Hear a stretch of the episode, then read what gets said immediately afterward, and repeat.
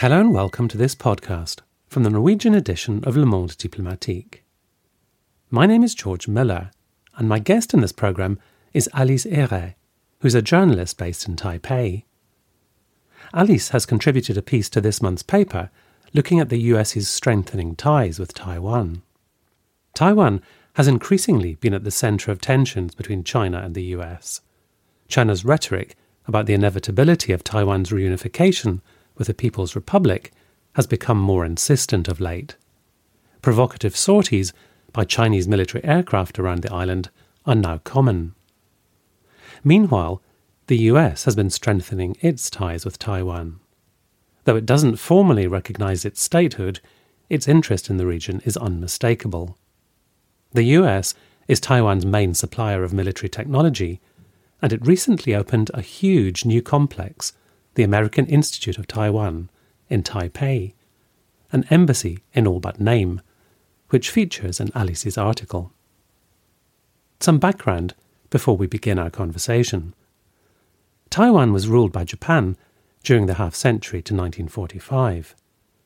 In 1949, after losing the civil war to the Chinese Communist Party, the Kuomintang, also known as the Chinese Nationalist Party, which had previously governed the Chinese mainland, relocated to Taiwan.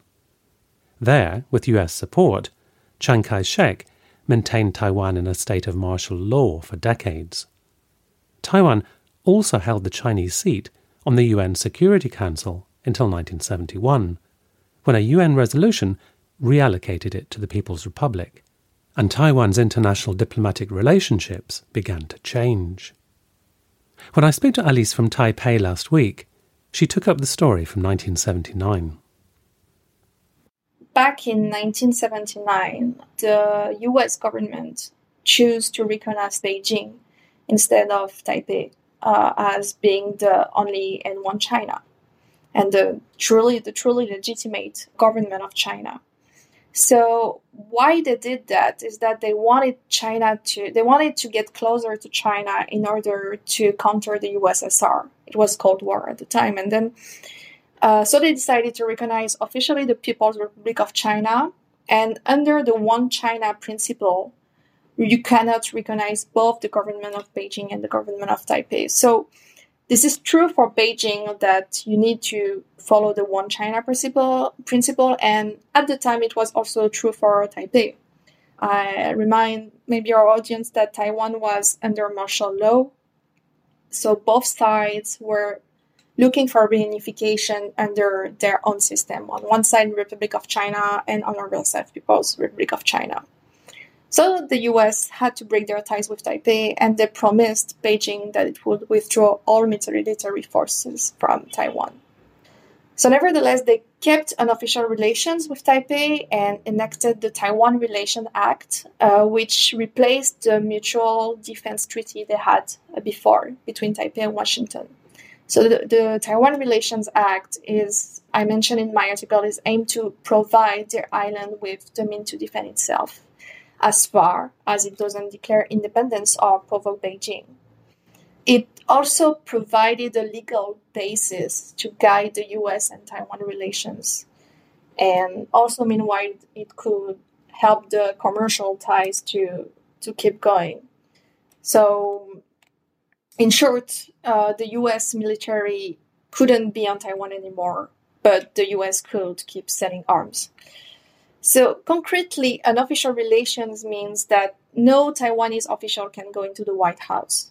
So, this is not the case anymore, but at the time during the 80s, officials in Washington, Taiwanese officials and American officials couldn't meet in uh, official buildings. They had to meet in a coffee shop, in restaurants, which concretely could re affect uh, the confidentiality of the talks.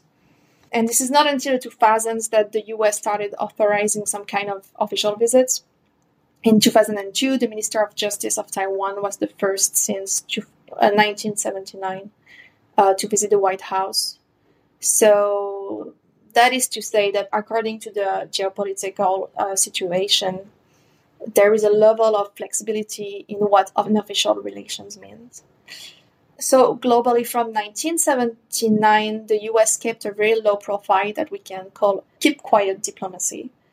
And the real turning point has been in 2016. So we all know that at that time, uh, Trump has been elected. But it's also the time where Taiwan, the president of Taiwan, has been elected. So during four years, Trump maintained its policy of open support for Taiwan, mostly due to its rivalry with China, but also thanks to Taiwan, because unlike her predecessor, Chen Shui-bian uh, from the DPP, so the DPP is the party that is labeled as pro-independence in Taiwan and is has the power now. So unlike her predecessor, Chen Shui-bian, she claimed to officially defend the status quo and not to look for independence. So what happened at this time? At this time, the U.S. interest and the Taiwanese inter- interest start to converge. That can explain the recent evolutions that I mentioned in my article, the rap- the rapprochement between uh, these two, these two uh, Washington and Taipei, and the rise in commercial ties between the two governments. And that rapprochement has continued under Biden. There hasn't been any shift in US attitude to Taiwan since he, he came to power. No, Biden kept, kept uh, this this policy uh, going on. So th- there was a little bit of fear from Taiwanese people when they learned that Biden was elected. Taiwanese people are really strong Trump supporters for this, but Biden kept um, this policy uh, of getting closer to Taiwan and being very strict toward China. And the way in your article that you exemplify this rapprochement is by writing about the American Institute in Taiwan, which is is not an, an embassy officially, but perhaps you can describe what it is because it sounds like a well, it sounds like an amazing building and a very significant institution within the country. So the AIT, the American Institute in Taiwan is officially a private non-profit organization sponsored by the US government, which I believe has its headquarters in the US. But it endorses all the role as an embassy of, of an embassy. It provides, for example, consular service for US citizens and can protect them in case of conflict. So this is not that a surprising thing actually because most countries in the world don't recognize Taiwan, and most European countries at least have their representation in Taipei. So there have like for example France representations is called Bureau Français de, de Taipei and it means office. It doesn't it doesn't have anything to do with an embassy.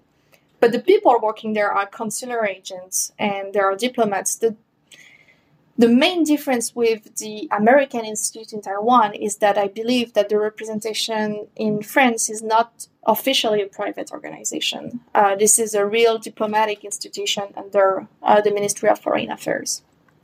And regarding that new building built in uh, 2018 in the district of uh, Neihu, which is which is uh, on the outskirts of Taipei, my interpretation it implies that the U.S. I mean, it, it it's a really huge building. Uh, I I don't remember. I mentioned in my article the um, the price of the of the article, and so it's a really really big building. And to my interpretation, it implies that the U.S. is really ready to invest to engage with Taiwan. So I didn't have the possibility to check the price of every U.S. embassy in Asia, but it seems that after the one in Beijing, this is the most expensive US uh, diplomatic structure in, in Asia. Nevertheless, France is also investing in Taiwan. For example, like they have a new building, they have a new office in Taipei 101, uh, which is more central, which is like, uh, I mean, uh, being in Taipei 101 means that really you want to invest in the country. Taipei 101 is the, the tallest tower of Taiwan. And so, writing this article, I was kind of intrigued by the fact that the US embassy is so far from the city center, and I thought it could be a sign of its relative discretion or a desire to keep a low profile. But it could also have to do with the cost and uh, finding a land. so, so, so, we have to, to, to be cautious on, on why, uh, on our interpretation, why uh, the US embassy yeah. is so so far from the city center. because, as you say, in some in some ways it's very discreet. It doesn't sort of declare its identity very visibly. But on the other hand, as you also say, it was ex- it was hugely expensive, and it's a very it's like a sort of university campus, isn't it? As I understand it, it's sort of that sort of size. It's not just one building; it's a whole complex. Now, you say, Alice, in your article that it was difficult to get any sort of official response from the AIT, you know, about its about its status and its priorities and so on.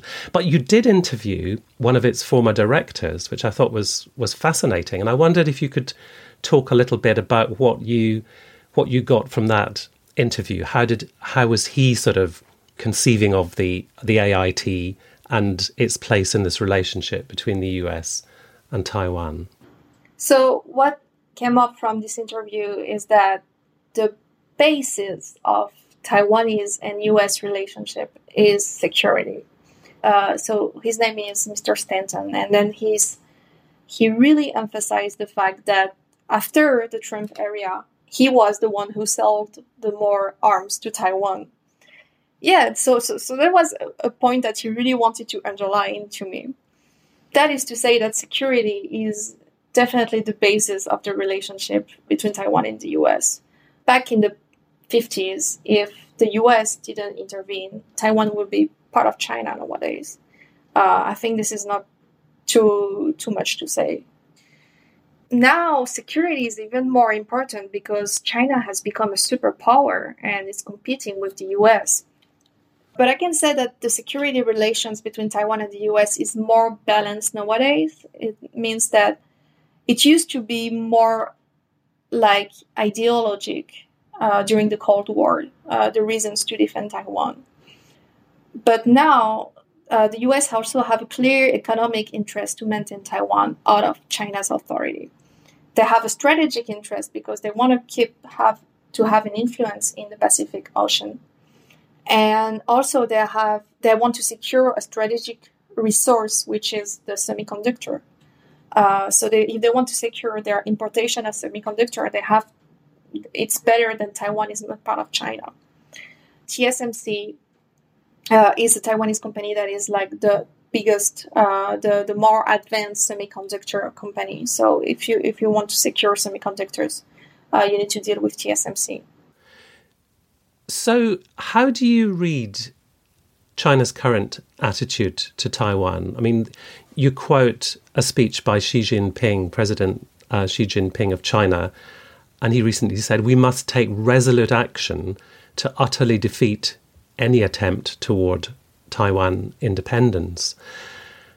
So, how do you sort of distinguish the rhetoric from the actuality in that? I mean, clearly he's not going to embrace Taiwanese independence in the speech, but how how seriously do you read China's rhetoric with regard to Taiwan? Because it does seem from the outside that it has sort of stepped up to a higher level of threat. Mm. So yeah, we can we can say that China's attitude is toward Taiwan is definitely more and more aggressive. Beijing is constantly warning about future invasions, and to that we can add that Taiwan reports more and more incursions to its air defense zone. I want to make clear that Chinese planes are not going on Taiwanese territory, but are going on the Taiwan Strait, which is a zone that Taiwan look after. So this past day, the Taiwan Authority reported the largest ever incursion of Chinese airplanes in its air defense zone. So there was 145 planes that uh, went into Taiwanese air defense zone from 1st of October to 4th of October. That was right after uh, China's National Day. Nonetheless, threats from China, from the Taiwanese point, threats from China are something that Taiwanese are really used to, and there is nothing new about it. So, especially in the last 30 years, uh, every time a president of Taiwan intends to move away from the one China policy, it kind of angered Beijing. So, the most significant example is 1996, uh, where it was the third Taiwan uh, Strait crisis, when the PRC launched a series of test missiles in the Taiwan Strait as a result of the first general presidential elections in Taiwan. And on the Chinese side, we can say that this hard stance toward Taiwan and these uh, Chi- um, these planes uh, incursions are also um, a matter of domestic uh, policy. Xi Jinping has to show uh, its population that uh, it's willing to take back China, that there's nationalistic purpose to that. So, if and when China is going to invade, it's really impossible to foresee. But Taiwan Authority as well as the US are taking the threat really seriously. And I wanted to ask you, you, you live in Taipei. Is this something that people are talking about all the time, the, the threat from China versus the desire among some people in Taiwan for independence. I mean, I know that not everybody wants independence. Some people might be happy with reunification with China, but is it something that people talk about all the time, you know, in, in daily life? And what kind of reactions do you hear? Absolutely not. This is not something that people talk about. Like in general, life is really, really peaceful here, and nobody is. I mean, if I don't ask my friend about it, I just don't know what they think about it. There is a generation gap. Uh, young people tend to be more pro independence, while uh, older people tend to be more connected to their ties with China. Uh, this is mostly a matter of education because most people uh, raised during the martial law tend to be tend to receive a pro China education, while uh, people who are educated after the martial law received an education that is way more centered on Taiwan. And also, we can add to that that uh, a small part of the population uh, have parents uh, are born in, in China. So it's probably about 3%. That being said, this is not because you define yourself as Chinese that you are automatically willing to be part of the PRC. So some people might be okay with independence and also want Taiwan to keep its Chinese identity. I would say that the vast majority of Taiwanese people are totally against being part of the PRC. Um, nonetheless, the KMT, which is the party labeled as pro China, and it used to be the one and only party during the martial law, like before Taiwan started uh, to democratize. So they keep a very ambiguous stance on whether they want to unify with China or not in the near future. And most young people fear that if the KMT comes into power again, the government might compromise too much with China. On the other hand, some people fear that if the, the, the DPP uh, keeps getting elected, Taiwan loses its Chinese identity and they are going to provoke China, they are going to compete with China. So, this is mostly what people who are against the DPP think. But overall, I would say that these incursions, this speech from Xi Jinping are definitely what not what bother most of the population. And I could recommend an article that has been written by one of my friends back in May after this cover from The Economist. So the article is called If Taiwan is on borrowed time, why do Taiwanese keep calm and carry on? And this is on the South China Morning Post. So you're describing it. You're describing a sort of situation of sort of tension and ambiguity. I mean, there's ambiguity in the relationship between the US and and Taiwan in that it's informal but quite close, but not sort of overtly declared. You've got a ruling party in Taiwan which is sort of pro independence, but not overtly campaigning for independence. You've got the KMT, which you described as being more pro China, but not advocating wholeheartedly becoming reunited with China. And you talk about, you know, in everyday life, people feeling that it's not, you know, they, there's a, they've got a certain degree of stability, and it's not something they're talking about, you know, all the time what their future might hold as regards China. The Economist earlier this year described Taiwan as the most dangerous place on earth. But another way, I guess, to look at it is that there's a sort of tense balance. So how do so how do you see it? Maybe, maybe just to to conclude whether whether it is the most dangerous place on earth potentially, or or whether there, there is a sort of tense balance that's holding. I think the cover from The Economist is a bit too alarming, and there's a sensationalist purpose to this. But on the other hand, I think this is important to it is important to raise the public awareness about Taiwan. So I think that the journalists from The Economist were totally aware of what they were doing. And I think what they emphasize is the huge mismatch between a cover when we say this is the most dangerous place in the world and between and the reality of the ground where people are going to coffee shop there is the lowest co- criminal uh, rate any country in asia i believe. There is uh, a really low risk of uh, getting covid. So this is one of the actually one of the safest place on earth. And, and nobody nobody is freaking out when they hear about Chinese uh, planes flying out in the um, in the air defense zone of Taiwan. So I think it was kind of intentional from the journalists from The Economist to to do this this sensationalist cover.